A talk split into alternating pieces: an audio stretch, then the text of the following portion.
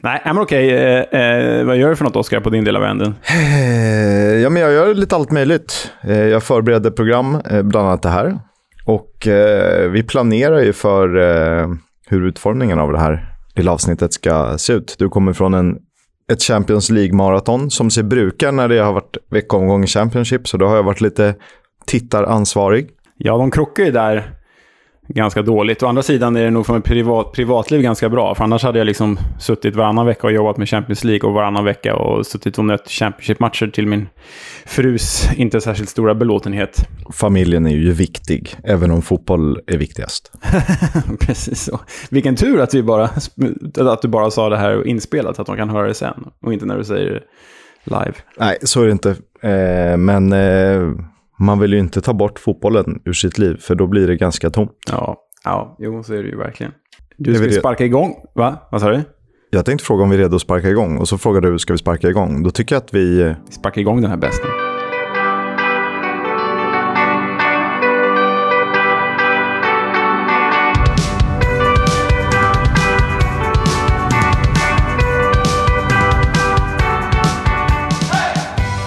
Hallå där, ni lyssnar på Footballs Coming Home som är mig veterligen den enda svenska podcasten om Championship League 1 och League 2. Jag heter Oskar Kisk och såklart på andra sidan har vi eh, Leonard Jägerskiöld Welander.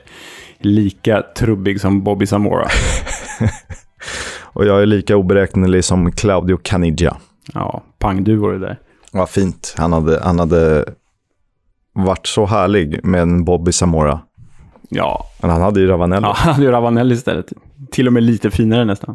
Du, det har hänt väldigt, väldigt mycket och eh, det blir så här. Eh, torsdagsavsnitt i och med veckoomgång. Det spelas det alltså tisdagar och onsdagar. Och så har vi en helgomgång att förhålla oss till också. Så jag tycker vi går ganska raskt in på helgen som gick. Och så tar vi det i liksom med våra rubriker. Mm, rimligt. Coventry gick jättebra där och då mot Peterborough. In i en liten formtopp. Det här är alltså, eh, nu låtsas vi att vi, vi är kvar i helgen och vår vän, den svenska Viktor Gyökeres, gjorde två mål. Där och då gick han upp i eh, delad skytteligaledning. Och är fortfarande faktiskt en av de spelare som har gjort flest mål per 90 minuter. Ja, men o, eh, otroligt att ändå se en svensk tvåmålsskytt i ett topplag i Championship. Vad, vad var det där? Det var typ hans sjätte och sjunde mål på åtta matcher. Det trodde man ju inte om, om liksom förra årets periferispelare Viktor Gyökeres. Nej, det är riktigt häftigt. Och jag måste väl säga att jag är lite förvånad att han ändå inte nämns i en landslagsdiskussion när frejdiga spelare som Pange Mange Eriksson ändå kommer med. Det tycker jag är intressant. Även om eh, de är två helt olika spelartyper på två helt olika positioner så förstår jag vad du menar. Sen har ju Magnus Eriksson varit väldigt, väldigt bra i ett Djurgården som har varit väldigt bra. Absolut, så är det ju. Av de som är, ej, liksom, av de som är uttagningsbara, som inte har tackat nej, Seb Larsson och så vidare, så är han väl den bästa svenska spelaren i allsvenskan. Ja, nej, Mange Eriksson håller ju, en, håller ju en extremt hög nivå. En av allsvenskans absolut bästa spelare. Men jag tycker jag ändå fastnar i att Gyökeres, som ändå är nosar på skytteliga topp i The Championship, inte ens nämns. Det är intressant. The Championship är ju liksom en ja, men ska man vara ärlig är det ju svårare att göra mål i The Championship än i till exempel holländska ligan. Så ja, jag, jag väntar på att Janne ska lyfta den där luren ändå. Ska, ska inte vi bara starta eh, hashtaggen Gyökeres to landslaget? Verkligen, så får vi med oss hela Coventry-supporterbasen. Eh, det borde vi göra. För det var ju så en annan eh, skyttekung eh, kom i landslaget. Vi ska prata om det eh, kort. Eh, Bournemouth och West Brom var och är alltjämt enda obesegrade lagen i Championship. De vann båda sina matcher med 2-1 i helgen. Mm. Och eh, till den där spelaren då, eh, vi kan ju nämna honom. Han gjorde tre mål i helgen. Han heter Ben Brereton Diaz. Han är eh, engelsman och eh, chilenare. Chilenare på mammas sida. Vi ska, vi ska återkomma till honom. Eh, Blackburn mosade Cardiff med 5-1. Ja, det är ju så kul att Ben Bertrand Diaz går, går, fortsätter på sin liksom succé, succé vår, succé sommar och succé höst nu. Eh, riktigt frejdig spelare, avig. Man vet liksom inte så här, är han striker, är han ytteranfallare, vad är han för någonting? Han är ju riktigt härlig och så, och så öser in mål eh, just nu. Han är väl, är han skytteligaledare? Det är han va? Nej, det är Mitrovic som är det kanske. Det är Mitrovic som är det. Det är Mitrovic. Men, men Ben Bertrand Diaz är där uppe. Och eh, det är ju glädjande. Det som är mindre glädjande är ju att Mick McCarthy kommer allt närmare en avskedning. Cardiff går ju helvetiskt uselt. Men det behöver inte fastna i just nu kanske. Det behöver inte fastna i. Vi, eh, vi tar vidare helgen som gick då, eh, där Swansea mötte Huddersfield. Vann med 1-0 i det jag kallar possession-mötet. Eh, Russell Martins Swansea mot Corberans Terriers. Och det är nog den första matchen under Russell Martin där Swansea inte dominerar bollinnehavet. Det var bara 57-43 tror jag. Bara inom, inom citationstecken. Det var första matchen de faktiskt eh, dominerade i skott på mål. 6-0 och eh, 1-0 målet, eh, det matchavgörande, är en riktig eh, delikatess. Och eh, när jag läser mig in på folket runt Swansea så verkar de verkligen det var mycket trust the process-kommentarer eh, kring, kring det här, läste jag. Ja, men de är väl så nöjda att äntligen, och som vi sagt i flera avsnitt kring Swansea, supporten är så nöjda med att äntligen få se och njuta av den fotboll som ligger i klubbens DNA. Och jag tror att de hellre tar det och kommer typ 11, 1, 2, 3 år, om det sen kan leda till någonting bra, än att liksom ja, men på ett lite mer pragmatiskt sätt, sätt faktiskt slåss om, om kvalplatserna uppåt, vilket de gjort de två senaste åren. Och det respekterar jag, om man liksom har en identitet och ett DNA som man står för eh, över framgångar. Det, det tycker jag ändå är rätt härligt. Det är bara hatten av. Håller helt med. Och jag, jag tror ju ändå någonstans på Swansea på sikt, men det, ja, det går lite trakt. Det gör det ju ändå. Så är det. Övriga matcher i helgen, vi dammar ju av helgomgången rätt snabbt, för den känns ju lite inaktuell när man sitter här mitt i veckan efter. Men övriga matcher, Reading eh, slog Middlesbrough 1-0. Birmingham spelade oavgjort 0-0 mot Preston North End. Bristol City Fulham 1-1. Nottingham Millwall också 1-1. Stoke mot Hull 2-0. Blackpool Barnsley 1-0. Och så hade vi då eh, Sheffield United mot Derby 1-0. Robin Olsen höll nollan. Det var ju kul, men framförallt så var väl det roliga här att Billy Sharp, den speciella målskytten, den speciella Championship-ikonen, avgjorde för hemmalaget Sheffield United på Bramall Lane. Och eh, han visade ju tydligt sina känslor efter matchen mot rivalen Derby. I think it's fair to say that you enjoy scoring against Derby County, don't you? Yeah, I wish I could play against them every week. Um, think their fans were disrespectful to me today. Um, I don't mind stick, but if they're going to give me that all game, then they deserve that back. So um, I'm delighted I've scored against them because I, I don't like them. Rivalitet eh, är grunden till, eh, till kärlek på fotboll. För du kan ju inte bara ha ett lag Lite som vi pratade om med Reading, eller som jag pratade om eh, med Reading. De blir ju inte eftersom de inte har några riktigt tydliga rivaler. Nej, exakt. Nej, men man, behöver, man behöver ju de här... Man, man, vill ju, man vill ju dels ha rivalmötena, men man vill ju dels ha fårskallarna och karaktärerna som faktiskt gör någonting av dem. Och jag visste inte att Billy Sharp hade det här i sig, men det gläder mig att han är en riktig grinig jävel här. Det är bara roligt. Han växer, han växer. Ja, verkligen. Vi går vidare till eh, veckomgången eh, och börjar med tisdagen där West Brom gjorde slarvsylta av Cardiff. Cardiff alltså 1-9 på de två senaste. West Brom vann med 4-0 och blev totalt mosade. Det var första gången West Brom vann mot Cardiff i ligan sedan 1974 om jag förstod det rätt. Oj, det, det är imponerande siffror som du skakat fram där. De har ju ändå mötts ett gäng gånger sedan dess, får man ju anta. Jag menar, bara i modern tid så har man ju ramlat på varandra ganska mycket i The Championship. Eh, till exempel man vet inte hur mycket man ska stirra sig blind på den typen av statistik. För det kan ju vara lag som liksom har gått eh, skilda vägar. Kanske möts någon gång i, i Championship och sen det ena laget upp, andra ner och så vidare. Och tvärt emot. Men eh, så är det i alla fall. Ja, men här är känslan att de ändå har mötts. Och, och som vi, här, här, kan vi fastna lite mer vid Cardiff. Alltså, ända sedan Aiden Flint hade sitt målstim, mittbacken då i, i Cardiff, och han gjorde, vad var det, fyra på två? Var det så? Gjorde han fyra mål på två matcher?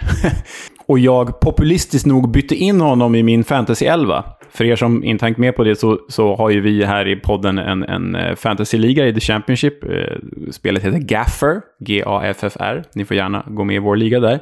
Eh, men ända sen jag bytte in Aiden Flint i, i eh, mitt lag där så tror jag att Cardiff inte har vunnit en enda match. Och Aiden Flint har ännu mindre gjort ett enda mål.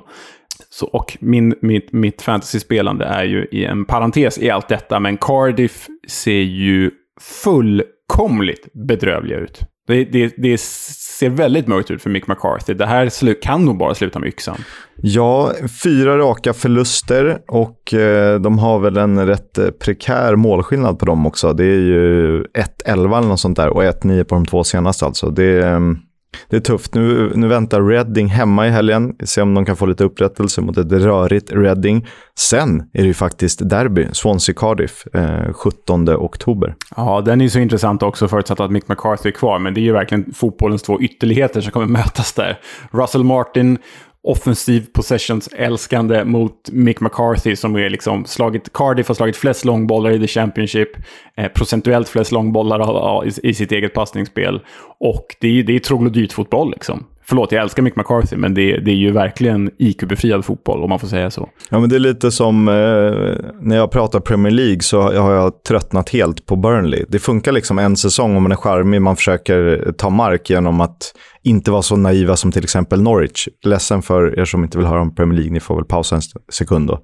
Men det där spelet, när det är både dåligt och tråkigt, då är det ju helt eh, vedervärdigt att titta ja, på. Ja. Och eh, är det hopplöst. Ja, det är hopplöst. Så jag vill ju att Burnley åker ur Premier League. Å andra sidan vill jag inte att vi ska behöva stå här och prata om hur tråkigt de spelar varje vecka. Men jag tror att Burnley kan bli ganska, kan bli ganska riviga ändå. Vi vet ju att vi har en, en eh, trogen lyssnare i, i eh, boråsaren, Fabian Andersson heter han. Va? Han vurmar ju något oerhört starkt för Burnley. Uh, uh, så det, då kanske han blir glad om, om de hamnar i den här podden istället. Men om vi ska stanna lite vid West Brom, alltså Alex Mowat, eh, Ja, det... det målet han gör här, det är ju återigen kandidat till årets snyggaste mål. Det, det, det, är en, det är en sanslös spelare här och en otrolig värvning som West Bromwich har fått in från Barnsley. Ja, jag, blir, jag blir inte riktigt klok på honom för att han eh, går och smyger i tre matcher och sen eh, slår han till med en liksom, Champions League-finalinsats och eh, kröner med eh, den typen av mål. Så, så känns hans eh, säsonger lite. ja, alltså han är ju väldigt spektakulär i sina stunder och annars är han ju en väldigt trygg passningsspelare. Men, men det där målet, hur, hur ska man beskriva det Chris? Det är ju liksom, är den, är den, ska vi säga att det är en halv volley från straffområdeslinjen upp i, upp i högra krysset? Han har ju helt, helt magisk bollträff gång efter annan och lyckas ju få till den där ganska raka bollbanan. Sen såg jag inte exakt hur mycket bollen rörde sig, men det liksom den smeks upp i krysset. Det är som ett plan som lyfter smärtfritt i, i solskenet. Ja, ja, poetiskt. Nej, Alice Mowat gillar vi och West Bromwich. Jag trodde faktiskt aldrig att jag skulle säga det, men West Bromwich upplaga 21-22 gillar vi också. Vi går vidare till Huddersfield Blackburn och här tänker man ju att nu ska de prata om uh, varför Huddersfield är bra. Som besegrade Blackburn. 3-2 blev det i den matchen. Men jag fastnar helt vid Ben Baryton Diaz. Det är alltså Fem mål på två matcher, totalt nio på tio matcher. Han, är, eh, han var ju ensam ledning då innan Fulham hade spelat och innan Mitrogol hade tröttnat på att det var en chilenare som skulle upp i topp. Han är ju blott eh, 22 år gammal och eh, ja, på väg mot sin liksom, så det riktiga genombrott, även om han har slagit igenom någonstans. De kan bli tvungna att eh, sälja i vinter, för han har bara kontrakt till eh, juni 2022.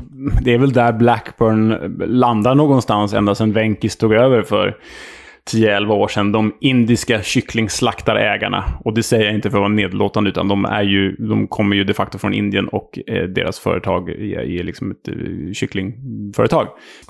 Så, och det har ju varit deras verklighet. De, de får fram unga, fina, eh, bra spelare. Eller om de inte liksom, eh, fostrar dem så eh, lyckas de värva unga, fina, bra spelare på ett eller annat sätt som andra klubbar har missat. Och sen förädlar de dem till, till ja, men, definitiva Premier League-spelare. Vi tänker på Adam Armstrong som, som gick i somras nu. Och det är ju där, det är där Blackburns verklighet är. Lyckas de inte gå upp, vilket de inte ska göra med sina begränsade medel och sina relativt begränsade trupper, så lyckas de inte gå upp så kommer de alltid vara fast i den här karusellen där de måste sälja sina bästa spelare. Och det fortsätter så här så kommer ju Ben Bertrand Diaz definitivt vara jagad av ja, några Premier League-klubbar i panik i januari. Så är det väl. Så är det absolut och det blir ju lite... Mm, skulle de ha kvar honom och så går han som bossman nästa sommar, eh, worst case då, då har de ju ett annat problem för då får de ju inga pengar och eh, kan ju inte investera dem på något sätt. För att kunna hitta nästa Ben Burton Diaz behöver de ju få loss lite pengar. Så att tekniskt sett kan han skriva på för en annan klubb redan i januari. Sen får vi se om de får några pengar för honom. Du, pratade vi förresten om hur han hamnar i landslaget? Eh, jag vet inte om vi gjort det ordentligt, men eh, det kan du ju redogöra för om du vill. Och om eh, ni andra har hört storyn förut så eh, är jag ledsen för det. Men jag eh, fick reda på den ganska sent. Det var så sent som för ett par dagar sedan, någon vecka sedan. Eh, det är alltså så han spelade ju engelsk juniorlandslagsfotboll. Och eh, jag tror det var för ganska exakt ett år sedan eller något senare så skriver man i Rovers matchprogram typ, de har någon så här A to Z, någon, eh, någon vad ska man kalla det? Det är inte en krönikesida men ja, lite fakta och sådär. Och där eh, säger han då, eller skrivs det då, att Ben Brereton Diaz tekniskt sett är tillgänglig för Chiles landslag eftersom eh, hans eh, mamma är född i Chile. Och det är nog inte så många som kände till det innan. Men det här plockar FM-scouten Mark Hitchen upp. Han adderar informationen till Football Manager. Det här får eh, Chilean Toon, eh, jag trodde det var Chile-Anton, men det är Chilean Toon. Han är alltså från Chile, håller på Newcastle. Eh, han följer Newcastle rätt noga och har också bra koll på Chiles landslag. Han försöker skapa det bästa chilenska landslaget på FM. Football Manager för er som inte vet. Och då ser han, aha, Ben Berton Diaz kan spela för Chile. Intressant. Då lanserar han hashtaggen Brereton a la Roja med målet att få in Ben Brereton Diaz till landslaget. La Roja är alltså de röda, eller den röde. Och det är smeknamnet för Chiles landslag. Då börjar ju chilenarna inse det här och börjar spamma Breretons kommentarsflöde med chilenska flaggor och allt det här kokas ihop till att eh, chilenska medier plockar upp nyheten. Och några månader senare så kallas han upp till landslaget av förbundskapten Martin Lasarte för att spela VM-kval. Och jag tror inte att han fick spela då eftersom debuten kom 14 juni som inhoppare i Copa America-premiären mot Argentina. Ah, det, är, det är ju så, det är en sån häftig historia det här. För tänk att en sån liten grej som att en football manager scout bara lägger till eh, en, en liksom kod i, i det här dataspelet och så får det ja, men de, här, den här, de här effekterna och de här följderna. Nej, det, det är häftigt. Och football manager har ju satt avtryck många gånger förut. Det, det, det, det vet man ju, men det här, det här är ju något extra. Nej, Det är ju riktigt, riktigt roligt. Rolig bakgrundshistoria. Eh, Det är det och vi ehm, från Blackburn till Blackpool, Blackpool som ju är grannar, fast ändå inte riktigt. De mötte Lancashire. Exakt. De mötte Hull på bortaplan i helgen, eller i veckan då. Eh, blev 1-1 och det var Hulls blott tredje poäng sedan premiärsegern mot Preston North End. Alltså nio raka utan seger i ligaspelet. Ja, nej. Hall befinner sig på en väldigt dålig plats. Vi tippade dem ju i, i vår införguide, som finns tillgänglig att lyssna på för de som inte har gjort det. Eh, så tippade vi dem ju åtminstone en, liksom en halvsäker eh, position ovanför strecket, trots nykomlingsstatusen. Men det här ser ju verkligen inte bra ut. Det, vi blev nog lurade av premiären, där, där de eh, slog Preston North End tämligen enkelt, men PNI var ju inte redo då, uppenbarligen. Och Hall har ju med sina skador och frånfall sedan dess eh, fått klara sig utan vissa nyckelspelare och det ser ju... Ja, men det ser ut precis som när de åkte ur för två år sedan. Grant McCann har ett för tunt manskap, en för liten plånbok, för unga orutinerade spelare och så är det ju alltjämt faktiskt en, en klubb som är i polemik mellan eh, ägare och supportrar. Ehm, så eh, just nu ser det ju ofrånkomligen väldigt mörkt ut. Jag hade både trott och hoppats eh, bättre om The Tigers, men det känns som att någonting måste ske här och det kanske är att man behöver göra sig av med tränare Grant McCann. Eh, men vi vet ju att det intresset eller de pengarna finns ju inte från ägarhåll. Så ehm, mm, just nu vilar ett stort ansvar på talangfulle Keen Lewis Potters axlar. Det är ju eh, det är tufft det där, för ryker man första säsongen efter att ha varit tillbaka, då, då kan man få det tufft på allvar, tror jag. Eh, annars blir man väl ett jojo-lag och det är väl ingens önskan. Men liksom, lyckas man säkra kontraktet, då kan man i alla fall bygga på och förvänta sig Championship-pengar och inte League One-pengar. Eh, exakt. Nej, men Hall, Alltså, Hall har ju slagit, eh, har ju liksom slagit eh, eh, över sin viktklass de, när de där säsongerna när de faktiskt spelade Premier League och fa Cup-final. Det, var ju, det var ju en bra bit över deras nivå egentligen. Det är ju här någonstans Hall egentligen hör hemma. Ett typ jojo-lag mellan League One och Championship. Men ja, nej, jag hade gärna sett dem eh, högre upp. Jag känner att jag vurmar både för klubb och stad, så jag hoppas att det här vänder. Det hoppas jag med ändå. För Ryan Mason och Tom Huddlestone och Michael Dawson.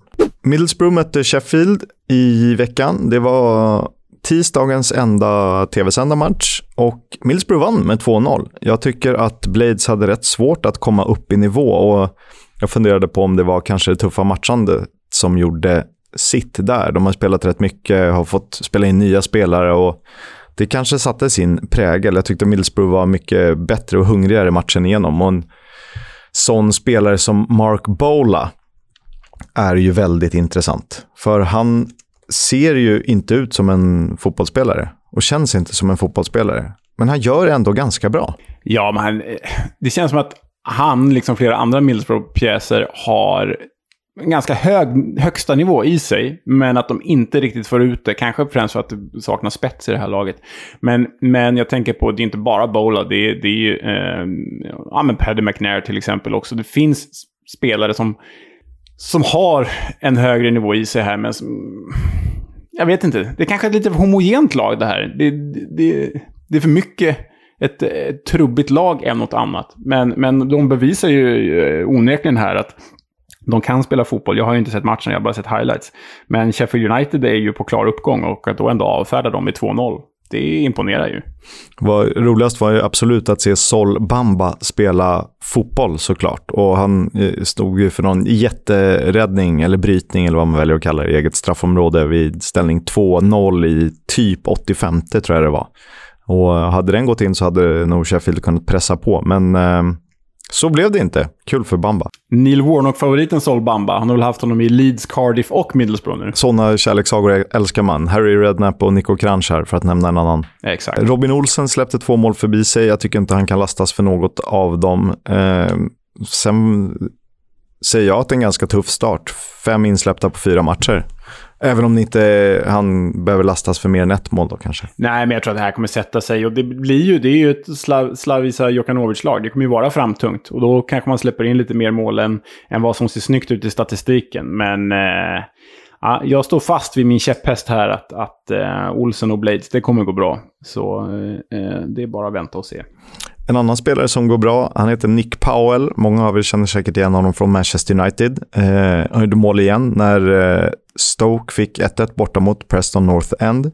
Han är inne i ett litet målstim. Fyra mål på de fem senaste matcherna. Ja, och det man kan väl säga eh, var väl målet han gjorde i helgen var ju en frispark eh, utan Guds nåde. Var, den var ju liksom 30 meter ut och perfekt förbi muren och, och skruvad in i krysset. Nick Powell är ju en man, han är ju en spelare för Premier League egentligen. Bara inte riktigt varit tillräckligt jämn eller skadefri tidigare. Så, så får han vara det så har ju Stoke en av ligans bästa mittfältare här. Eller är han inte bara på nivå med Jordan Rhodes och Connor Wickham? Typerna som vi gillar att eh, prata oss varma om. Som kan dundra in 25-30 mål eh, på en säsong för att sen antingen bli sålda till ett annat lag i Championship eller gå ganska svagt i Premier League när de har andra spelare på de positionerna. Ja, jag, jag tänkte egentligen göra jämförelsen när vi kom till fulla matchen och, och Mitrovic hattrick, men om vi, om vi tar den redan nu då. Är inte då, som du är inne på, Nick Powell kanske,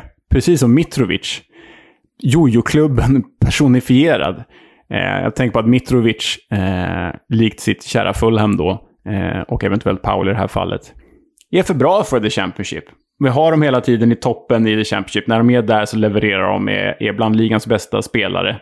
Men sen när de kliver upp en hylla, kliver upp en nivå, i Mitrovics fall i Premier League då, så går det ganska dåligt. Så det är väl de, den här typen av spelare har hittat sin nivå här i liksom limbot mellan eh, högsta och andra serien. Det blir, jag undrar om Mitrovic tar, för här kan han ju ta ansvar. Den nivån har han ju i Championship, att han är en liksom, på den här nivån är han en klassspelare. Kanske en av de absolut bästa. Och nu leder han skytteligan också, så att det är ju ganska tydligt. Men sen att försöka ta med det ansvaret till Premier League och bli som både kulturbärare, ledare och skyttekung, det kan vara rätt tufft. Verkligen i ett eh, pragmatiskt Scott Parker Fulham också. Men eh, vi kommer till Fulham. Preston North End mot Stoke. 1-1 alltså. Fulhams eh, granne och rival, Queens Park Rangers, eh, avfärdade Birmingham med 2-0. Eh, det gjorde de. Vi har ju pratat rätt mycket om Ilias Chair, eller Ilias Chair som de säger eh, borta på öarna. Den 23-årige Marocko-belgaren. Och då tänker jag ju genast på att det här är en ny Adel Tarabt. Ja, Tarabt. Det är väl ändå alltjämt Queens Park Rangers bästa spelare de senaste 10-15 åren.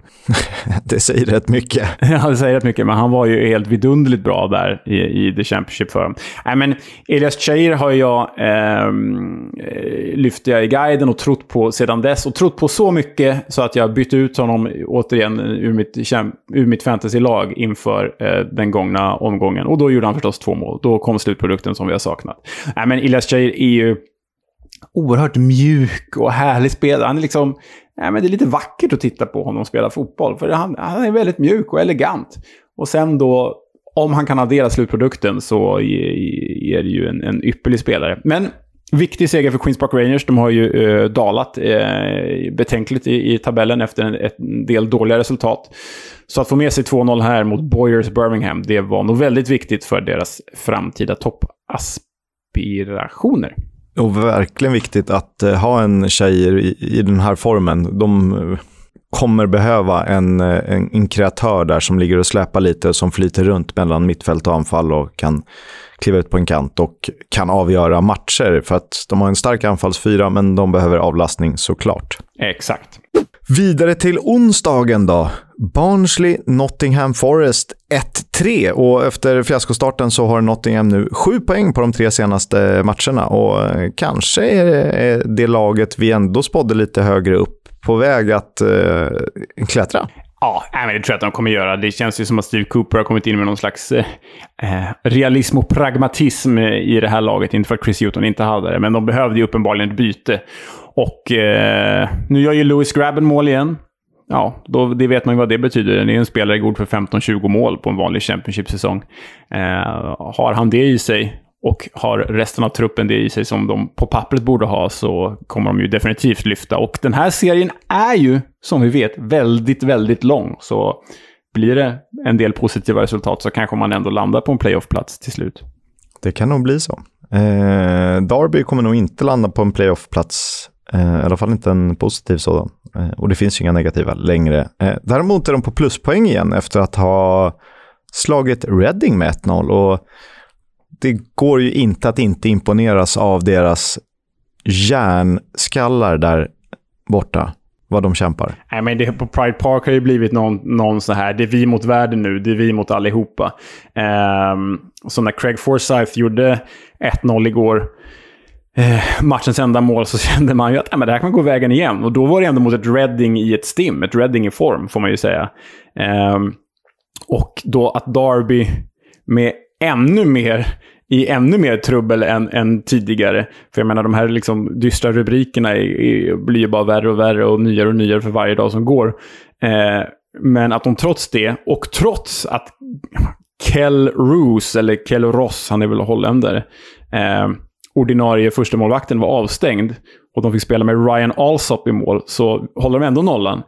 Nej, Derby är... Ehm, det är svårt att göra annat än vurma för Wayne Rooneys Derby. För det är verkligen vi mot världen, vi mot alla odds och eh, de gör det ju rätt bra. Nu ligger de ju då alltså på pluspoäng som du säger. De har ju en inspelad poäng eftersom att de hittills har fått minus 12. Eh, men skulle sluta på minus 12 vilket det kanske inte gör, men skulle det sluta på minus 12 så är det ju inte omöjligt att överleva. Just nu har de bara 7 poäng upp till, till säker mark.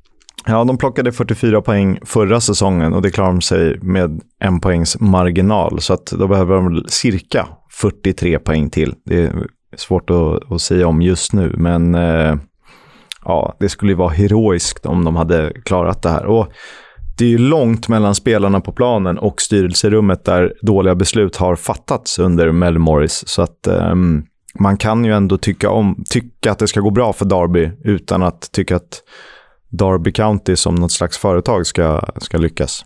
Om du förstår vad jag menar. Ja, nu handlar det om supportrarna. Det handlar om spelarna och supportrarna här. Jag, de, det kommer komma in nya ägare och det är väl för en framtid man spelar här, inte för en, en nutid under Mel Morris, utan det är för, det är för framtiden. Liksom. Så, så ja, Nej, jag är ytterst imponerad av Derby. Yeah, yeah. Skulle de hålla sig kvar så ska Wayne Rooney ha bragdguldet. Jag satt och kikade på onsdagens tv-sända match. Det var Fulham mot Swansea eh, och det mesta handlade om Alexander Mitrovic eh, som gjorde tre mål på första, under den första halvleken. Det var väl på eh, 37 minuter eller något sånt där. Eh, sån jäkla superstriker. Jag har skrivit en av de bästa anfallarna i Championship genom tiderna.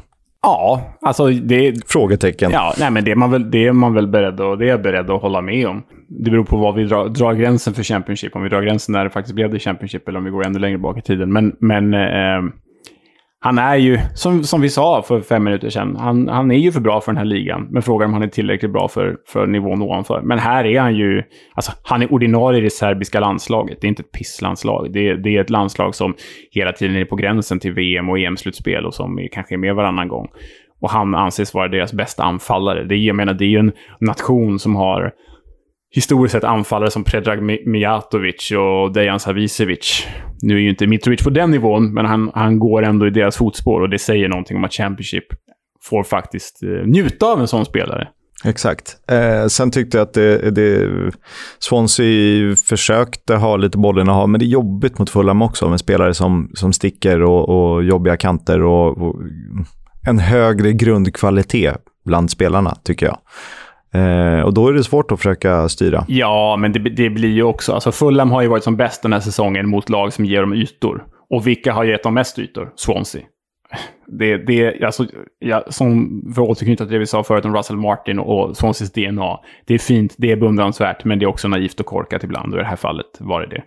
Och sen då till eh, mina favoriter i Championship, som de ju ändå är. De kallas för Hatters, det är Luton Town. De mötte Coventry igår. Och Luton hade inte vunnit på sex matcher och Coventry var obesegrade på de fyra senaste. Så ett formsvagt Luton mot ett formstarkt Coventry. Och det här är ju anledningen till varför man älskar Championship. 5-0. det, är så, det är så symptomatiskt för den här serien, för alla går ju på sådana här bisarra minor någon, minst en gång under säsongen. Nej, oförklarligt. Och så de två sista matcherna då. Eh, Millwall, Bristol City 1-0. Och Peterborough, Bournemouth 0-0. Stark poäng av Peterborough. Bournemouth alltjämt obesegrat och eh, delad serieledare med West Bromwich på 22 poäng. Tar en titt i skytteligan då. Mitrovic har 10 mål. Ben Berton Diaz 9, John Swift 7, Viktor Gyökeres 7, Dominic Solanke 6. Eh, så det är alltså topp femman. Sen var jag lite sugen på så här, vem har gjort flest mål på 90 minuter? Och då är ingen av dem jag nyss nämnde på topplaceringen, utan det är Luke Berry Luton som gör 1,11 mål per 90 minuter. Det är imponerande. Det är imponerande. Luke Berry, det låter som ett så här låtsas actionhjältenamn. Det är ett otroligt namn också. Men annars är han ju i fint, fint sällskap där med, med, som du skrivit, Mitrovic, Berton Diaz, Nick Powell och på femte plats, Viktor Gyökeres, 0,76 mål per 90 minuter. Han får ju spela 76 minuter eller något sånt där. Vad brukar det vara? Där någonstans eh, ja. byts han ut. Eh, har Exakt. Vi, eh, vi kliver vidare till eh, det som har hänt, kanske utanför planen. Have you not been watching? I haven't! Det fortsätter se sådär ut för Derby utanför planen. De gör hjälteinsats efter hjälteinsats på planen och supportrarna sluter upp som aldrig förr. Men eh, de ekonomiska bekymren fortsätter. Ja, eh, det blir ju värre som sagt, som vi sa. Det blir ju värre och värre för Derby för, för varje dag som går. Och nu är det ju så här att deras forna tränare Steve McLaren som var liksom snudd på att ta upp dem till Premier League för ett par år sedan. Han är inte längre teknisk direktör. Eh, man har väl liksom varit tvungen att avyttra den positionen, men eh, han kommer fortsätta som rådgivare.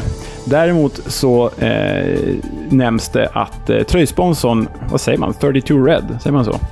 Jag tror det. Eh, ja, de eh, sägs ha erbjudit pengar i förskott för att fortsätta sitt samarbete med klubben. Och det är väl lite som vi var inne på i förra avsnittet, att det finns ju en framtid och en morgondag bortom mörkret här. Och det vet nog 32 Red. Alltså Derby är ju en, historiskt sett en jättestor klubb. De har ju många fans i England och de drar ju fullt hus om, om det inte är liksom pandemirestriktioner. Så här vet ju företag som 32 Red och andra och säkert klubbintressenter också att får man, det, får man bara ordning på det här så finns det nog ganska mycket pengar att tjäna också. Så det är ju nog därför de agerar barmhärtig samarit här, skulle jag tro. Klokt ur ett PR-syfte också. Och om vi ändå är inne på Derby så är ju klubben nu eh, up for grabs och konkursförvaltaren Quantuma har faktiskt sökt på sociala medier efter eh, nya finansiärer och ägare. Det kan man tycka är lite lustigt och eh, det var många Derby-supportrar som undrade varför eh, de skötte den delen av förhandlingen eh, i det offentliga och det kan jag väl hålla med om. Och en av dem som sägs vara intresserade, det är Gary Cook. Kommer du ihåg honom? N nej, om jag ska vara ärlig så gör jag faktiskt inte det. Ja, det, det, är inte så att jag kan svara för hans eh, finanser, men eh, han var ju tidigare VD för Manchester City under Taksin Shinawatra. Just det, just det. Mm. Och han kom väl in direkt efter att Svennis hade lämnat. Eh, så hans stora jobb blev väl att se till att de hade någon tränare och det blev ju Mark Hughes. Ja, såklart. ja. Så nu sägs han alltså vara intresserad av att köpa Derby County och det är inte första gången han har varit det, men han har tydligen, det finns en dispyt mellan honom och Football League som ju driver Championship League 1 och League 2. Uh, eh, men det hoppas han kunna reda ut så att han kan bli ägare i Derby County. Vet du om jag annars tänkte på? Det är ju väldigt spekulativt och fånigt, men det ryktades ju där i våras om att Spotifys ägare, Arsenal-supporten Daniel Ek, ville eh, köpa in sig i Arsenal. Eh, det ju, var ju tämligen orealistiskt uppenbarligen, men köp Derby. Du kommer definitivt ha råd.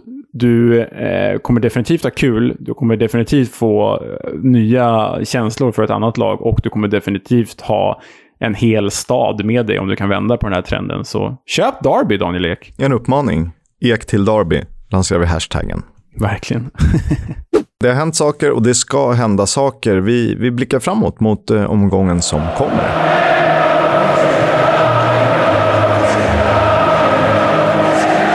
Fotbolls Coming Home sponsras av Stryktipset, ett spel från Svenska Spel, Sport och Casino. För dig över 18 år. Stödlinjen.se.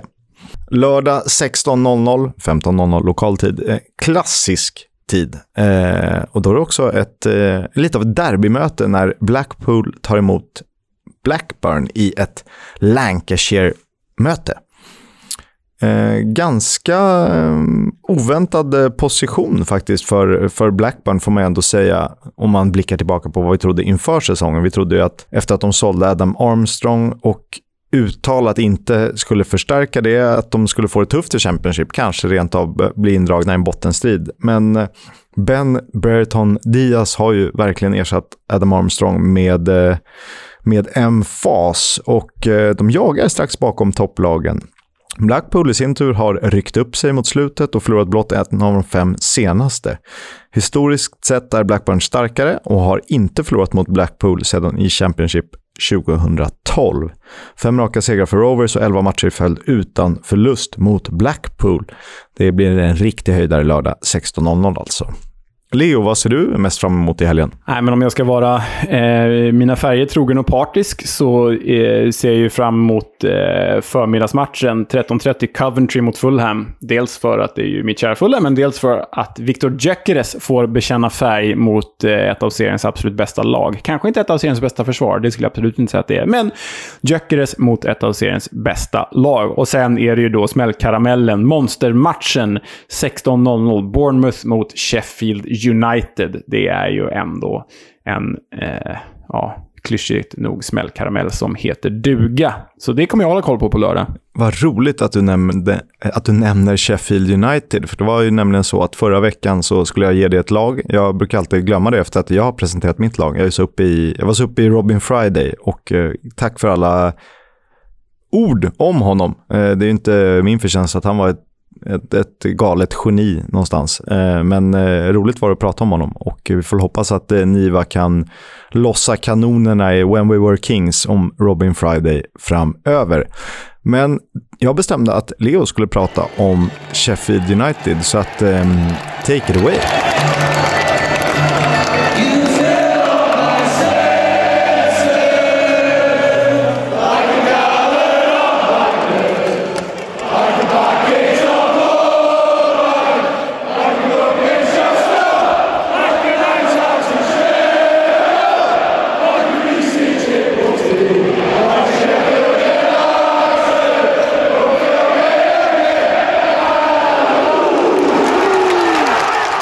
Hörde ni alltså Bramall Lane som sjöng Greasy Ship Buddy, eller Greasy Ship Booty kanske man säger.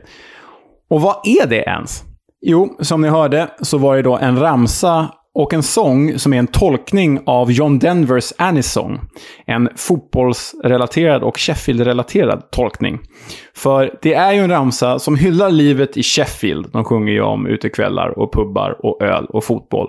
Och framförallt så sjunger de ju om, inom citationstecken, maträtten Greasy Chip Booty. Vet du vad det är för någonting, Oskar? Eh, faktiskt inte, det borde jag ju veta. Det är alltså sådana här fyrkantsmackor. Mm, Du vet. Sån där Typ klassisk- toast eller? Ja, toast, precis. Som man eh, eh, gjort dubbla. Man har liksom en, upp, en ovan och en under. Och så har man fyllt dem med pommes frites, brunsås, ketchup eller majonnäs. Det är en greasy chip booty och det är väldigt stort i Sheffield och man äter det väldigt gärna på Bramall Lane. Eh, Jag kan tänka mig att smaka, men det här är eh, enda gången är det typ nyårsdagen man kan äta det här istället för en kebabpizza, typ, låter det som. Ja, det känns så. Och bara att det heter Greasy Chip Booty. Men eh, ja, det gäller man ju att liksom tonsätta Sheffield United med, med en riktigt slabbig pommes frites-macka. Men du, en annan fråga. Vet du vilken världens äldsta fotbollsklubb är? Äldsta nuvarande fotbollsklubb som fortfarande är aktiv? Ja, eh, en gång i tiden skrev jag något slags arbete eller essä om det här. Eh, så att eh, jag borde ju komma ihåg det rätt. Och det finns ju lite olika, eh, det finns lite olika teser kring det här. Eh, som jag kommer ihåg är det något gammalt typ sjukhuslag, vad heter de, typ Thomas Hospital Club, som är det äldsta. Men det är inte riktigt säkert, man kan inte riktigt verifiera datum, dagar, tider, år eh, där. Och sen var det också något universitetslag, om det var i typ Dublin, eh, som också var från den här tiden. Vi pratar typ 1840-tal eller liknande. Men sen vet jag också att det finns ett Sheffield Football Club, kanske de hette, eller Sheffield Rugby Football Club eller liknande, från eh, typ 1850-talet, som är liksom där man kan stämpla att det här är den äldsta fortfarande aktiva klubben, eller vad är det, äldsta överlevande, eller vad man ska säga. Exakt, du är helt rätt ute. Sheffield FC, äldsta ännu aktiva klubben, grundad 1857.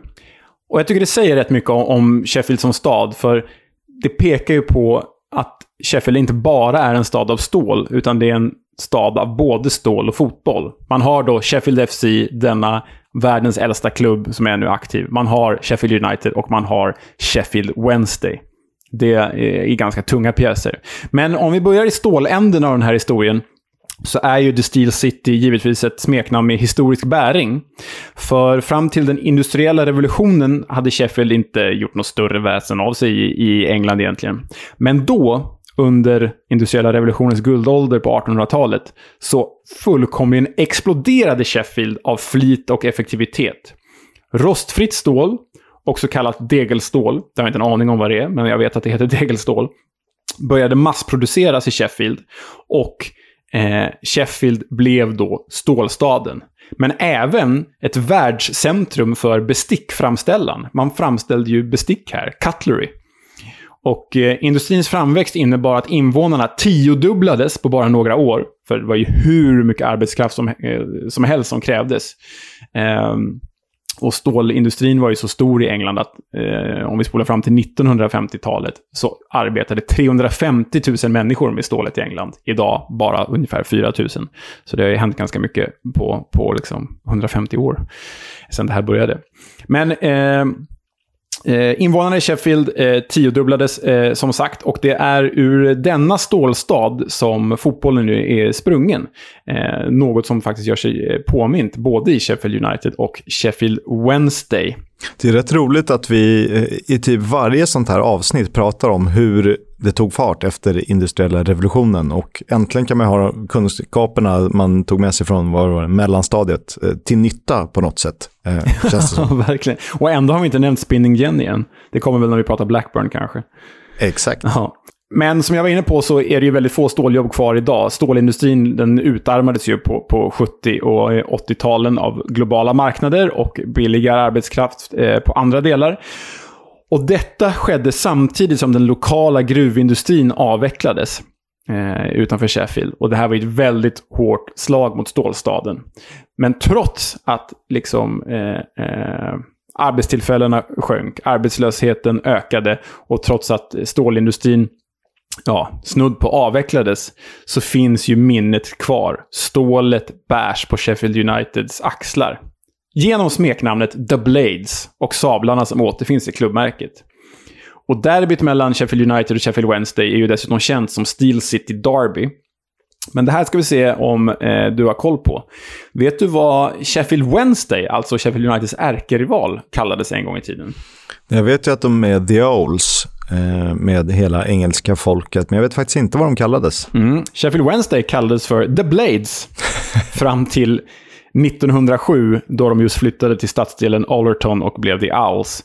Och då förstår ni allihopa att Sheffield United var ju inte ursprungliga The Blades, utan Sheffield United kallades då vid, vid sekelskiftet 18-1900-talet. Lite härligt nog för The Cutlers. Jag älskar de här. Förra veckan var det The Biscuit Men och nu är det The Cutlers. Vad har vi på gång? Vad ska, vad ska, man, liksom, vad ska man översätta det till? Bestickmakarna. det är ändå, The Blades är ju, låter lite vassare om vi säger så. Sen är det ju faktiskt en ganska intressant början på, på Sheffield United och det smärtar väl kanske vissa Blades-supportrar att höra om de inte redan vet om det.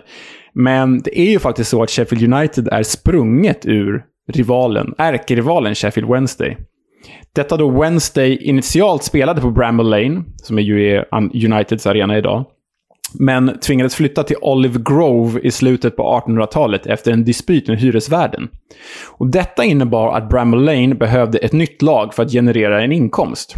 Och därför grundades Sheffield United på The Adelphi Hotel den 22 mars 1889 av Sheffield United Cricket Clubs ordförande Sir Charles Clegg. Vad var speciellt med Sir Charles Clegg, förutom hans bisarra efternamn? Jo, han var ju ordförande för Sheffield Wednesday. Det, det hade man ju velat se idag.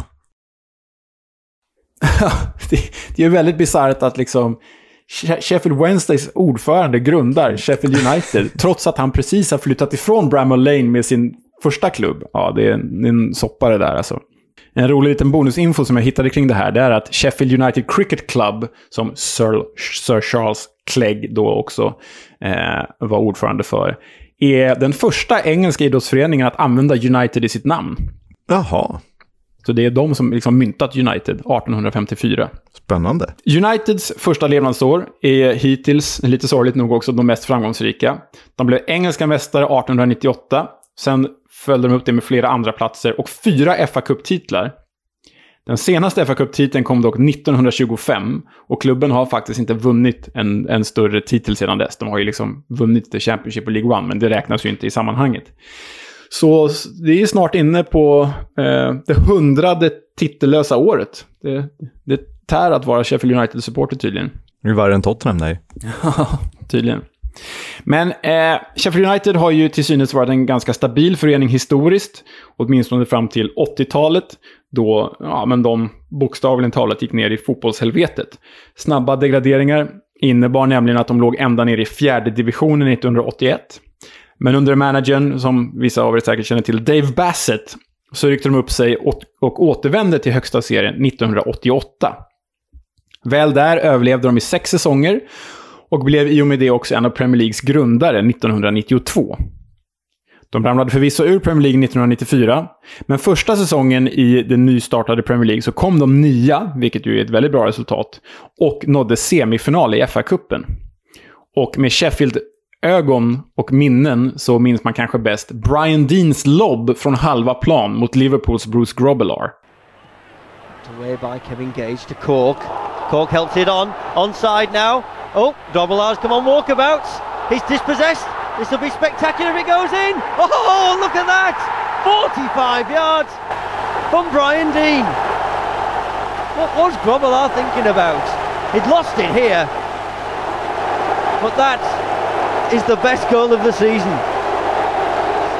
Ja, men det, det, är ett klassiskt mål. Ska man uh, prata highlight-svep så är det alltid, och du som har gjort den här typen av material tidigare, det är ju alltid de här målen som rullar där. Ja, det är ju verkligen som. Jag är liksom för ung för att uppleva det själv, men, men eh, man har ju sett den hundra gånger på så här highlights reel och highlights shows och, och, och arkiv i, i tv-sändningar. Så det är härligt att få in här också. Efter nedflyttningen 1994 så följde ekonomiska problem Och vem skulle då rädda klubben om inte poddfavoriten Neil Warnock? Det är klart han skulle göra. Och eh, det är väl från den här eran, det där eh, berömda klippet, som vi också använder i vignetten till eh, veckans Warnock, kommer ifrån. Eller något senare kanske. Det är exakt det. Och vi måste ju ta varje chans eh, vi kan eh, att köra ut det klippet. Så varsågoda. And I look at your contribution, some of you. No wonder he's thrown fucking bottle at fucking floor, Tonga. Hey? It's waited fucking nine months for that. A bit of fucking aggression. Fucking hell. You blame everything. Blame me, blame fucking pitch, ref, system, tactics. You want to have a look at your fucking self, some in fucking mirror. So please your fucking selves what you're doing next few days, alright? Get pissed if you want, go out to nightclubs, take your missus out, shag her on fucking car seat, anything you want. Because there's some of you lot that could have done fucking better and we should have been up there. And you're fucking also around, you're happy. You fucking be off flying away next fucking week. He don't hurt you. You're fucking picking a wage up. That's a load of bollocks. You've got to fucking die to get three points. I'm fucking telling you. Because it's hard, it takes some fucking bollocks to fucking say, right, we're not fucking moving. That line's there and we fucking stop stopping. And you pick your fucking man up. And if it's the spare man, I take the fucking blame. Ja, han är ju sanslös, den, den, den gode Neil Warnock. Det där klippet är ju alltså från en dokumentär när man följer Sheffield United då i, i eh, Premier League, eller på väg tillbaka till Premier League. Så det här är lite senare. Men om vi återkopplar till när eh, eh, Neil Warnock tar över eh, Sheffield United så eh, kommer han ju hem då eh, på 90-talet. Han är ju faktiskt född i Sheffield eh, och uppväxt med The Blades. Så det var ju lite speciellt för honom och det var lite speciellt för Sheffield United. Han tog över dem 1999. Då låg de i botten av Division 1. Fyra år senare, 2003, Eh, så tog han dem till semifinal i både liga och FA-cup. Samt en playoff-final till eh, eh Premier League. Den eh, senare förlorades dock mot Wolverhampton med 3-0 och The Blades brände massa, massa, massa, massa chanser. Kolla på den här highlighten mellan Sheffield United och Wolverhampton, för det, det är otroligt att det slutar 3-0. Eh, bland annat brände de en straff. Well, Sheffield United and Michael Brown a lifeline. And Murray has saved it! And the follow-up is over as well. And you're tempted to say that justice is done. You are also tempted to remark, not for the first time on the afternoon, as Sheffield United folk continue to go into mourning.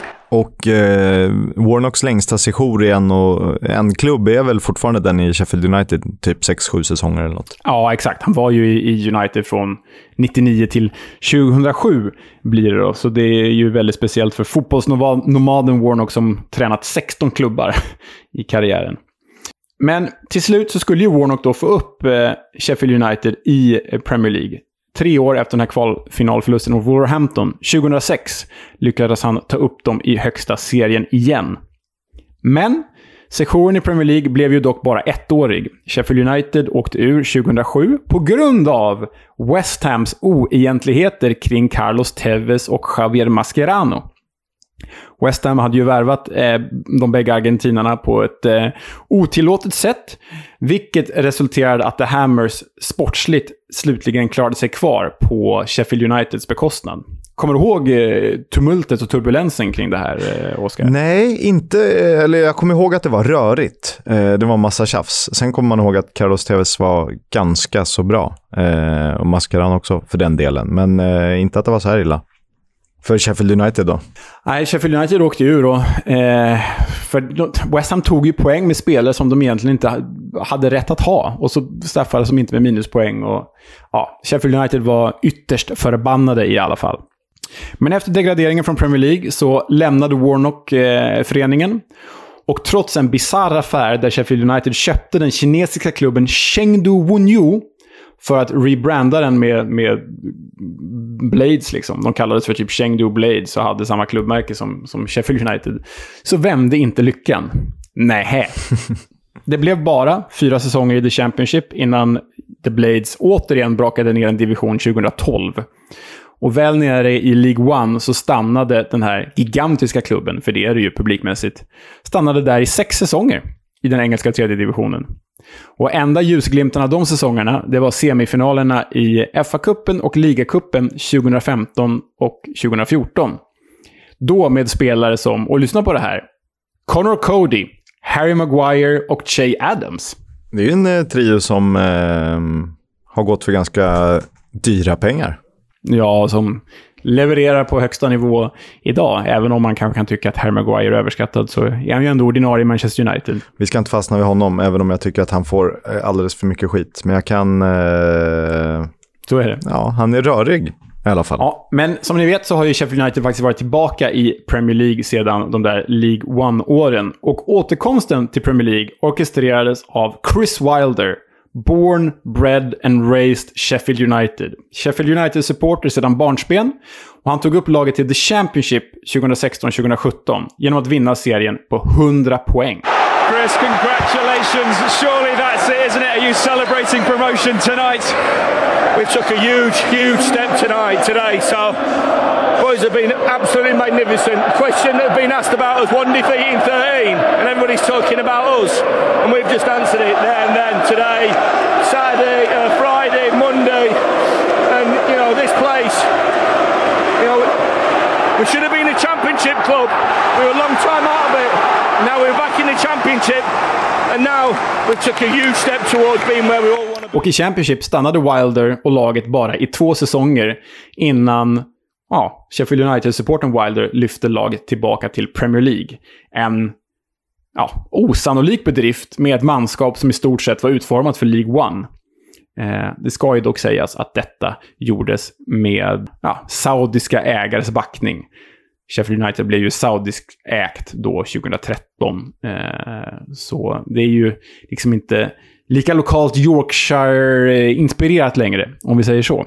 Nej, vilka är det? Nej, vilka är det? Exakt. Men du, vi pratar ju Robin Olsen in och ut och vi vet ju båda att han spelar eh, i, i Sheffield United idag. Men nu ska du få en liten utmaning här. Jag tänkte att eh, vår kära eh, klippare, redigerare och eh, producent Kevin Bader ska få lägga in ett litet eh, nedräkningsljud, en tickande klocka. Så att det blir lite mer effektfullt här. När du och tittarna ska få 30 sekunder på er, 30 sekunder, att rabbla svenskarna som har representerat både som, eh, som har representerat Sheffield United eller Sheffield Wednesday. Alltså inte representerat båda, men svenskarna som har representerat Sheffield United och Sheffield Wednesday. Och du får 30 sekunder. Kevin startar klockan från och med nu. Och tänk gärna lite högt kring det här. Ja, eh, vi vet ju eh, Robin Olsen i Sheffield United och han jämfördes med en annan, om man nu kan kalla honom svensk, men jag säger ändå det, Lee Baxter. Eh, så om det inte räknas så kommer jag göra det för att jag bestämmer det. Eh, sen har jag för mig att, vad hette han, Malmö, Jonas Virmola var i England, men jag är inte helt säker på om det var Sheffield United. Men jag säger Jonas Virmola eh, i brist- brist på bättre. Om vi går vidare till Sheffield Wednesday då. Roland Nilsson har vi redan pratat om, eh, vet vi. Niklas Alexandersson vet vi ju. Bojan Djordjic, vår gode vän, var ju där, väl. Och sen är det någon till. Typ VM 94-truppen eh, som kanske kom direkt efter mästerskapet. Eh, jo, men det måste väl vara eh, eh Klabbe. Klas Ingesson. Ja, det är snyggt. Tiden är ute för länge sedan. Det har gått en minut nu istället för 30 sekunder. Men jag tycker det var så kul att höra dig eh, sätta de här namnen. Eh, ja, men du har ju rätt på alla du nämner. De du har missat är eh, Sverige-Makedonien Goran Slavkovski, som var i Sheffield United. Gamla Interlöftet. Supertalangen. Exakt. Och i, i otroligt snyggt att du satte Bojan. Den hade jag missat själv. Och de två du missade i Sheffield Wednesday, det är Ola Tidman, som var så här klassisk målvakt som bara var andra målvakt på random ställen i världen. Och eh, fin, finländarsvensken, eh, esten också, Jesper Johansson, som faktiskt var i Djurgården ett tag. Ja, det kommer jag ihåg. Var, han var väl kanske inte jättelyckad i Djurgården. Men, och har, har inte han en bror som spelar också? Är det så? Ja, det kanske han har. Jonathan Johansson? Ja, är de Eller har jag brorsor blandat alltså? ihop Det kanske de är. Jag vet inte. Ja. Ja, det är bara någonting jag fått för mig. Det kan vara helt fel. Ja, de kanske är det. Jonathan Johansson vore ju en eh, kul gäst i den här podden förresten. Han har ju spelat i flera eh, klubbar som nu finns i, i eh, det här systemet. Han har ju varit i både Charlton och eh, Pompey väl. Ja, äh, men det om det om svenskarna. Jag tänkte avsluta det här segmentet med eh, Sheffield Uniteds lite speciella supportrar. Det är ju så att eh, en sån här stor klubb som drar så stor publik, de får ju också ganska välkända anhängare. Och jag fastnade vid tre stycken kända figurer som är passionerade Sheffield United-supportrar allihopa. Och eh, vi kan väl börja... Eh, jag tänker att jag säger ett namn och så får du, du eh, kommentera personen i fråga om du har något. Och sen kan vi lyssna till personen i fråga. Men eh, skådespelaren Sean Bean är från Sheffield och han håller The Blades mycket nära. För mig 100% Alec Trevelyan eller 006 om man så vill, eh, från från Goldeneye. Sen har han gjort mycket annat som är mycket bättre, men i egenskap av eh, Bond-nörd, förutom fotbollen då, så för mig är 006. Otroligt att du kan namnet på den karaktären också. För er som inte är lika insatta i Goldeneye så är ju Sean Bean alltså också Boromir i Sagan om ringen eller Ned Stark i Game of Thrones. Och eh, så här säger han om sitt Blades. Call it the, they call it the Steel City, and I don't, call, I don't think they call it the Steel City for nothing. It's because we're, you know, we've got a lot of resolve and a lot of passion and a lot of uh, drive, and I think that's what it is. A lot of imagination too, you know. Uh, but uh, you know, and I think. Um, you know, we, we, we've always been renowned for, for, for sports, sporting ability, and uh, well, you look at Sheffield United, you don't know, like the, like the, the oldest club in the world, or Sheffield FC, but you know, and it's a, it goes back a long way. But I guess it's just the people and the, the will of the people and the drive of the people and the passion, and something that I'm very proud of, and uh, you know, it's a great place to come from. Ja, det var vad Sean Bean hade att säga om sin klubb. Sen har vi då komikern och Monty Python, eh, eh, ja, Monty Python-komikern Michael Palin. Och mer än bara, mer än bara en komiker, en, en världsmedborgare och resenär och given i alla halvkulturella hushåll eh, under ja, min uppväxt i alla fall. Verkligen. Och det här säger han om sitt kära Sheffield United. Eight one. Eight bloody one.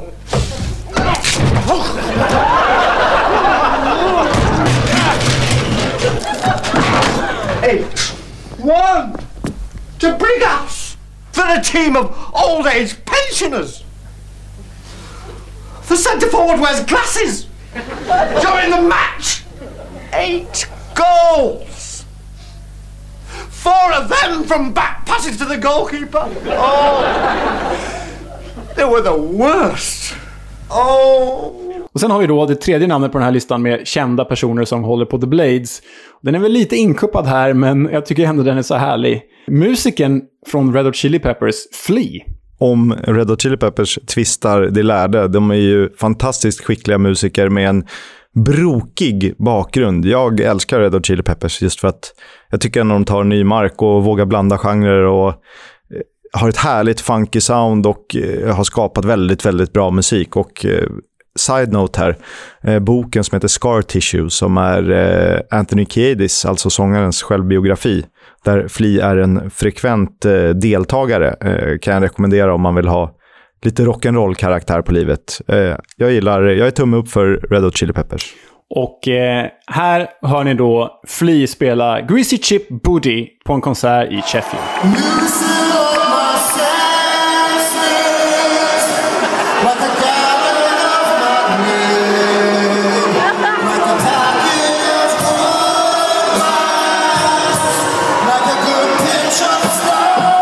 Nu växer han ännu mer, den gode Fli. Ja, han gör ju det. Den Australienfödde Fli som spelar ett amerikanskt eh, gigantiskt band och då eh, gör sig vän med alla Sheffield United-anhängare.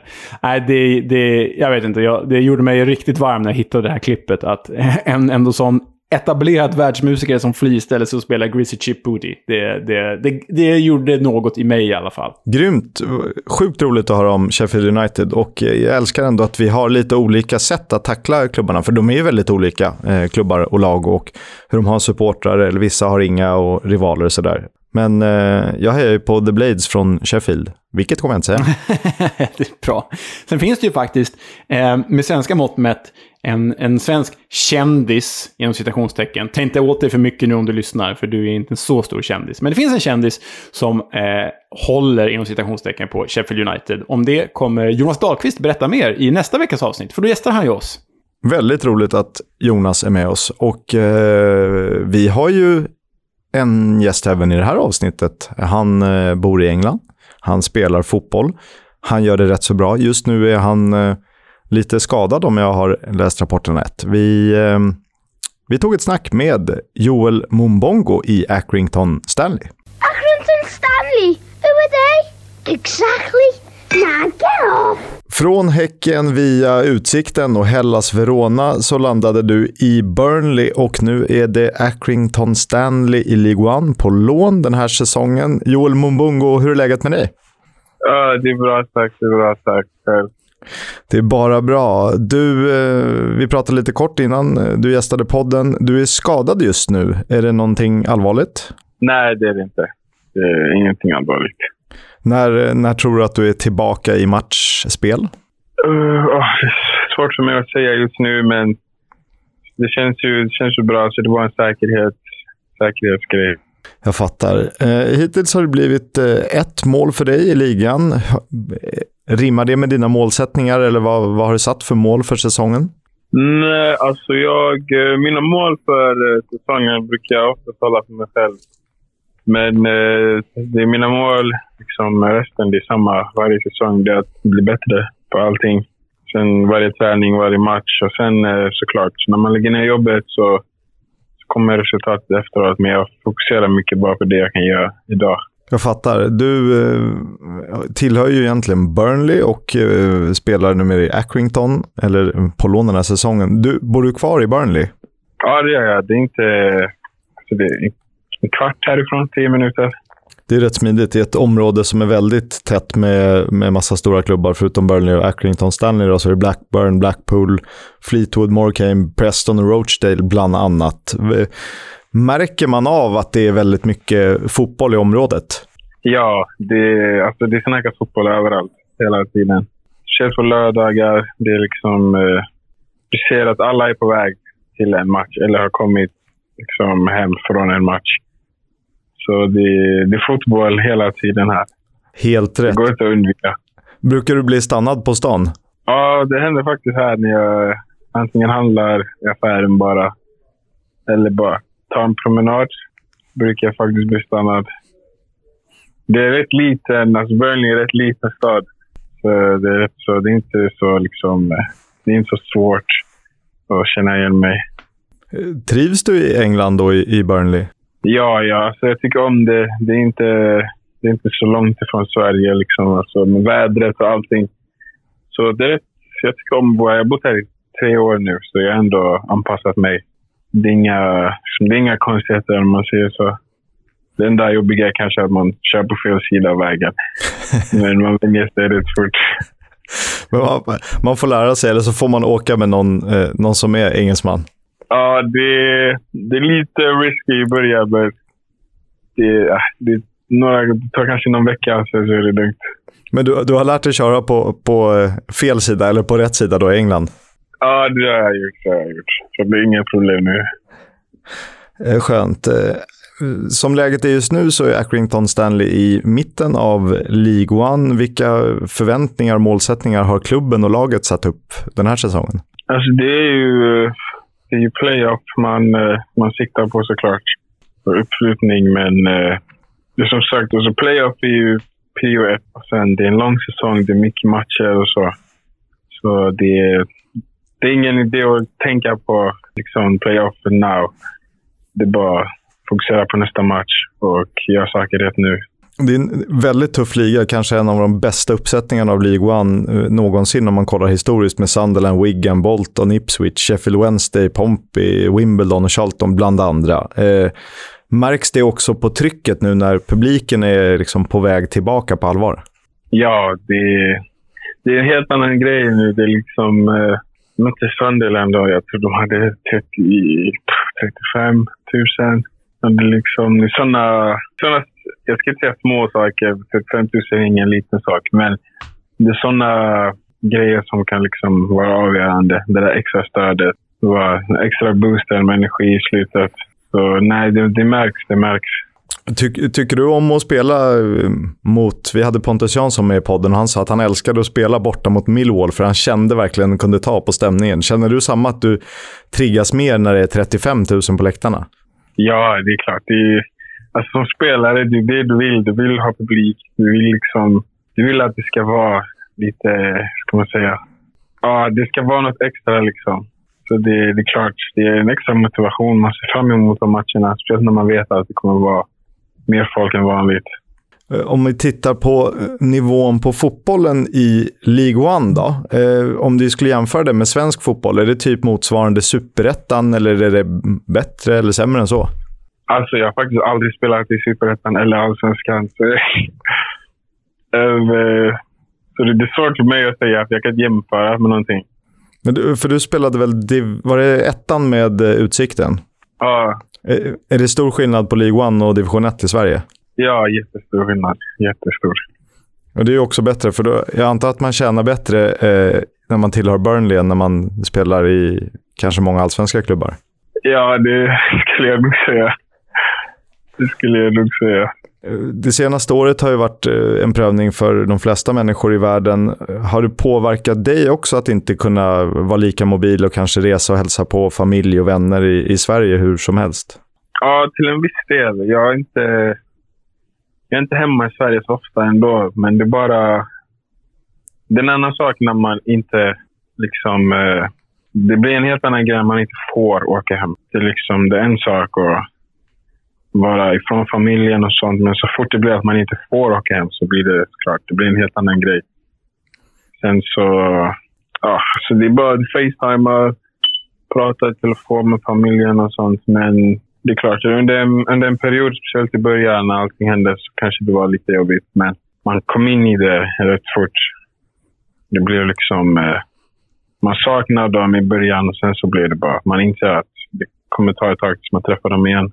Eh, jag har läst eh, några intervjuer med dig så känns du som en person som är skicklig på att stå på egna ben. Jag ska inte, ensamvarg, ensamvarg låter negativt, men lite så ensam är stark. Att du, att du klarar dig själv utan problem. Känns det så också? Ja, alltså jag, jag tycker ju om, att, tycker om att vara ensam. Jag är väldigt bekväm som jag vara ensam. Så det, det gör såklart allting enklare, speciellt när man bor utomlands. Så det är viktigt att kunna vara ensam. Så det, Nej, alltså det är bra. Jag ska om att vara ensam. Jag, liksom, jag har massa intressen, så jag har alltid saker att göra. Så det är inga... För mig är det inga problem att vara ensam.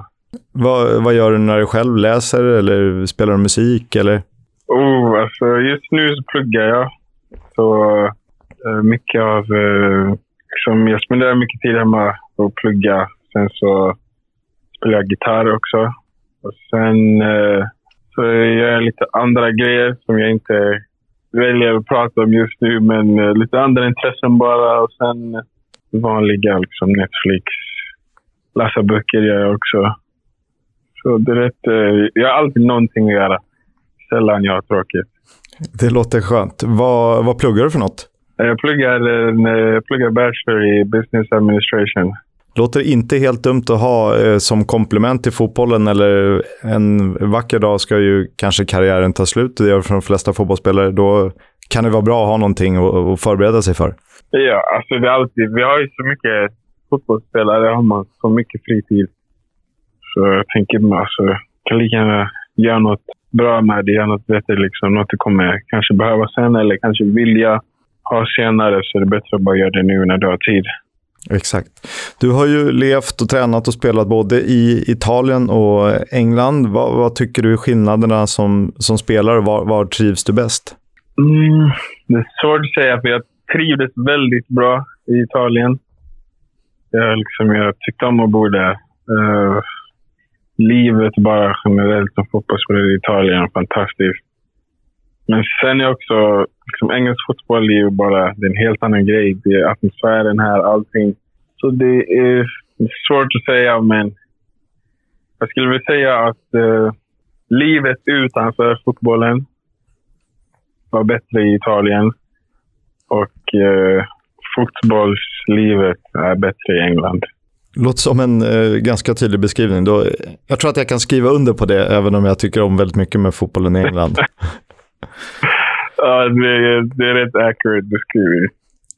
Eh, man pratar ju mycket, det har varit stort, stora samtal om det här med Black Lives Matter och eh, vissa klubbar och spelare i England tycker inte att man ska knäböja inför match. Eh, hur upplever du hur det, hur det har varit och märker du av problem med rasism i, i engelsk fotboll? Um, det är... Utan att uttrycka mig för mycket politiskt så... Det är såklart någonting som är där, annars hade inte allt det här liksom hänt. Inget, eh, det krävs inga liksom, rocket science för att lista ut det. Så ska jag, säga, jag vill inte prata för mycket om liksom, politik och sånt, men det finns ju såklart överallt. Förstår du? Där det finns människor finns det opinions. Känner du att du har blivit drabbad direkt av det eh, under din tid i England? På vilket sätt? Eller? Ja, men har, har du blivit drabbad direkt av rasism i, i samband med, med fotbollen i England? Nej, nej, det känner jag inte att jag och det är det viktigaste såklart. Du, du hade ju, visst var det så att du var så eftertraktad att du provspelade för ett par engelska klubbar som, som junior? Ja, jag, ja, jag har provspelat för uh, var City var min första. Sen uh, Everton, Southampton också. Och uh, jag tror det var Derby. Nej, Stoke var det. Stoke. Hur, hur, var, den, hur var den känslan? Alltså när man är så ung så var det såklart eh, extra något, något speciellt.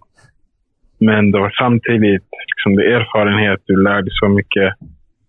Speciellt när man får möjligheten i så liksom, tidig ålder. Jag var 15-16 när jag åkte till City första gången. Så man lär sig, man lär sig väldigt mycket. Väldigt mycket. Erfarenheter som såklart är bra att ha med sig. Du, eh, ditt kontrakt med Burnley löper ut nästa sommar, stämmer det? Uh, denna. Ja, precis. Förlåt. Uh, sommaren 2022. Ja. ja, ja.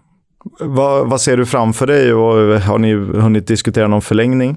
Um, det är uh, min agent bäst person att svara på. jag faktiskt inte... ja, jag, jag, vi pratar inte om sånt här under säsong faktiskt. Så jag har faktiskt inte så mycket koll själv på det. Men ja. så, han är bäst person att svara på det. Jag fattar. Eh, oavsett, stort tack för att du tog dig tid Joel. Eh, hoppas du blir frisk snart så du kan fortsätta göra mål för Accrington Stanley. Yes, tack så mycket. Tack så mycket. Tack själv. Ja, det är ju alltid lika härligt att, att äh, höra spelarna där på, från insidan och kanske framförallt när det är en spelare som spelar i Accrington Stanley. Det, det, det äh, gör ju någonting i mig och känns ju som en rätt härlig klubbkombination. Kanske inte håller med, men liksom att ägas av Burnley och vara utlånad till Accrington Stanley, det är ju living the dream. Living our dream. Ja, exakt. Nåväl, vi har kommit till eh, favoritsegmentet veckans Warnock. We'll have a chat about the fucking game. About your game, last few months, last few weeks. Fucking character. Fucking hell. Warnock eh, har hållit sig lugn. Och till, vår stora, till vårt stora förtret, vi, vi vill ju ha nyheter om honom. Han ska rasa på domarbaser eller eh, andra människor i, i systemet som man inte tycker följer han, hans ord tillräckligt. Men eh, här är ett klipp från eh, något år tillbaka i tiden där han samtalar med bland annat Matt Letizier. Det är väl någon sån här Sky Sports-sändning eller liknande. Och han pratar om uppflyttningssäsongen med QPR. Det var väl 2010-2011 om jag minns det rätt. Och eh, han hyllar ju Adel Tarabt som en av de bästa spelarna han har tränat. Eh, han gjorde honom faktiskt till lagkapten den här säsongen och han var tvungen att be om ursäkt till bland andra Derry och Hill och, och, och company, eh, för att han ville att hela spelet skulle kretsa just kring Adel Tarap, detta missförstådda geni eller misslyckade supertalang. Och vi kan väl höra vad Warnock hade att säga, hur han, hur han beskrev spelet kring Tarap och Tarap som spelare. But you said that. One of, one of my best promotions as well, which I never mentioned, was 2011 at QPR. And I had a lad called Adel Tarab. Who, like you, like to stand around a lot. And, and, and I'd never had anybody like that. And decided to build to build a team around this lad. And I used to get everybody involved. I remember all the old campaigners like Sean Derry, Clint Till, and one or two of the others, uh, Helgerson, I used to say, look, I know, I know you're captains, but I'm going to make him captain because I might get another 10% out of him. And what we did at QPR is we banned him from coming in our half. And I said, Adele, if you come in our half, I'm going to fine you 50 quid. And if anybody passes to him in our half, I'm going to fine you 50 quid. Because he used to come in our half, get it off the centre halves, nutmeg somebody, lose it, and concede a goal. So once we got those perimeters and we couldn't pass to him in our half, we, flew. It was a great season. But like you say, he made his own space, and some of the goals and and and the, the, the setups he made in that season, I, I, you know, I'm one of the best players I've ever played with. Ja, det är ju det är intressant att höra de här orden om Adel Tarabt. För, för mig, och säkerligen för många andra, så är ju Adel Tarabt en spelare som flög en säsong, som hade så otroligt mycket i sig, men som förstörde allt genom att vara allt annat än ett kaptensmaterial. Men ändå intressant att man som tränare väljer att lyfta en sån spelare när du har de tydliga ledarna på planen. Men då, han tänkte väl, jag tror, vill minnas att han sa det också, att han har så många ledare på planen så de kommer klara sig. Gör honom till kapten så han fattar att han har ansvar. Och får jag bara ut 10% mer av honom med, som kapten så kommer det betyda så mycket för laget. Och, han är ju inte snett på det, Warnock. Som vi säger, älska att hata, hatar att älska och så vidare. Nej, så är det. För alltid Warnock. Så är det. Eh, stort tack för att ni lyssnade på det här avsnittet. Eh, vi finns på EFL-podden på Twitter. Vi tackar Stryktipset så mycket för att ni är med och fortsätter sponsra och göra snacket om Championship, League 1 och League 2 möjligt. Eh, det här var Fotbolls Coming Home. Tack för mig. Du, innan jag säger tack och hej så ska du få en klubb. Det vet du va? Vi hamnar ju alltid här. Give it to me. Ja, nej, men jag har tänkt att det är dags. Du har ju väntat länge på det här och jag har väntat länge på det och lyssnarna har väntat länge på det också. Jag vill höra, och vi vill höra, mer om Luton Town, The Hatters. Get in! Upptäckta vägar, de han tar.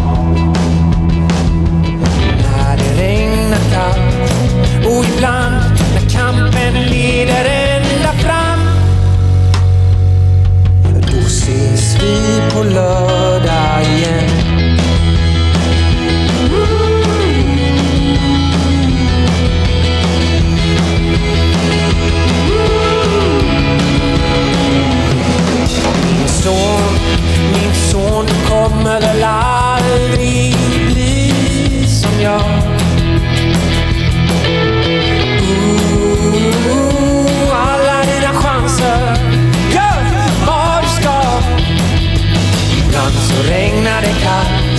Men till slut leder kampen